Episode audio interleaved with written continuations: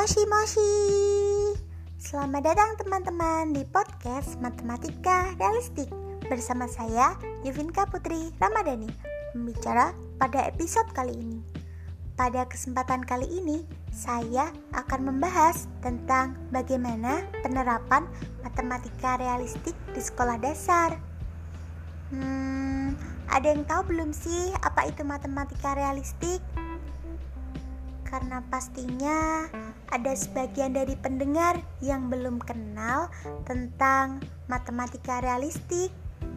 Di sini, pertama-tama saya akan menjelaskan secara singkat tentang apa sih itu matematika realistik.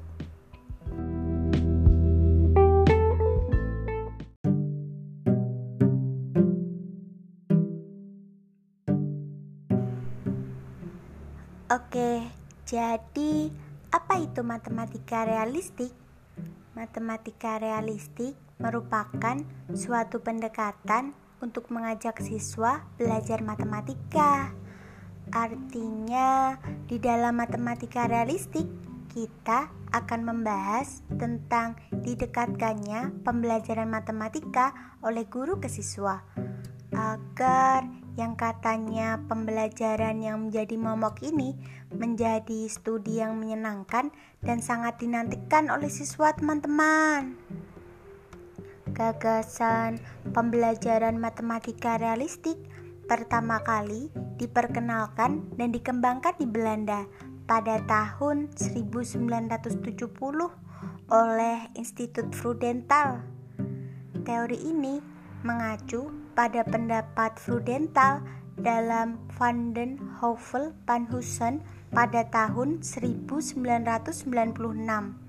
di bukunya yang berjudul Realistic Mathematics Education Work in Progress ditulis pada tahun 1998 di sana mengatakan bahwa matematika harus dikaitkan dengan realita dan matematika merupakan aktivitas manusia. Ini berarti matematika harus dekat dengan anak dan relevan dengan kehidupan nyata sehari-hari. Tujuan utama dari pendekatan matematika realistik yang akan kita bahas adalah pengalaman belajar yang bermakna dan sikap positif siswa terhadap matematika. Karena dalam hal ini, siswa memiliki kebebasan dalam memecahkan masalah realistik yang disajikan oleh guru. Maka, sangat memungkinkan siswa mengembangkan model sendiri. Nah, setelah tahu apa itu matematika realistik, kita akan membahas mengenai topik yang akan menjadi pembicaraan kita pada hari ini tentang bagaimana penerapan matematika realistik di sekolah dasar. Hmm, simak penjelasannya ya teman-teman.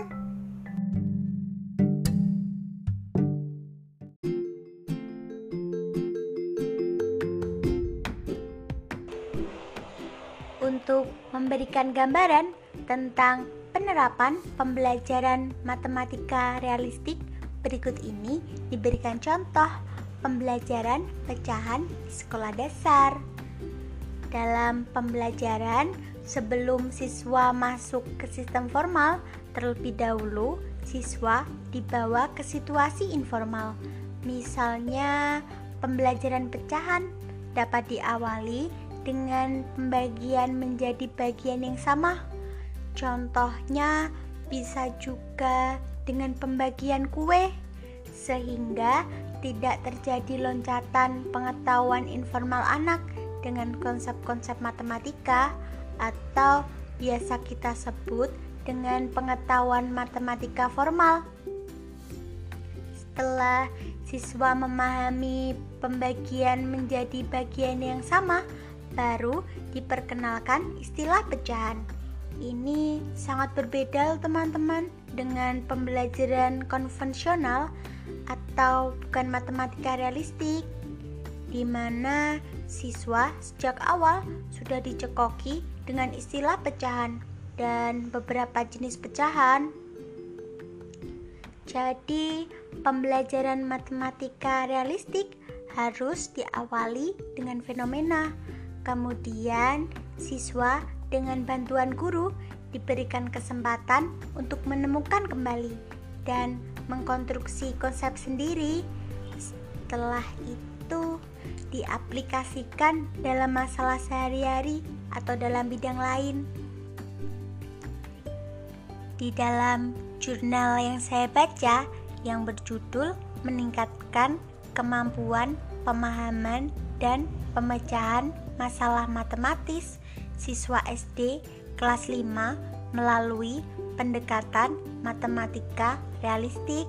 Di dalam jurnal ini dapat dilihat loh teman-teman bahwa siswa di SD Neglasari kelas 5 terdapat hubungan yang positif antara kemampuan pemahaman matematis dengan kemampuan pemecahan masalah matematis. Hubungan tersebut terbentuk karena dalam memecahkan masalah, salah satu tahapannya adalah siswa dituntut untuk memahami masalah yang disajikan. Setelah itu, siswa harus menghubungkan masalah masalah tersebut dengan konsep yang sudah dimiliki siswa sebelumnya tentunya untuk dapat memecahkan masalah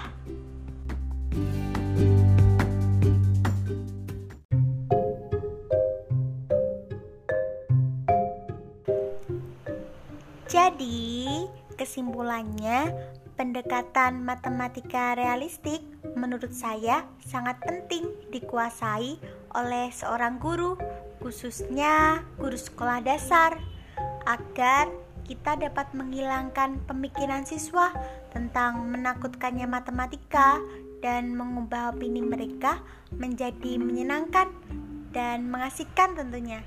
Pembelajaran matematika dapat kita selesaikan soal-soalnya melalui realita di lingkungan sekitar.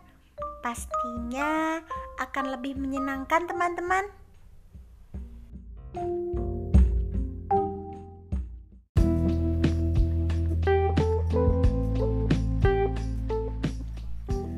Ya, sepertinya itu saja teman-teman episode podcast matematika realistik pada hari ini.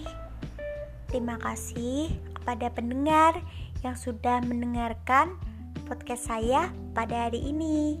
Jangan lupa bergabung lagi minggu depan untuk membahas topik-topik yang tidak kalah menarik. Jangan lupa subscribe, like, dan share podcast kali ini. Bye bye teman-teman. Arigato.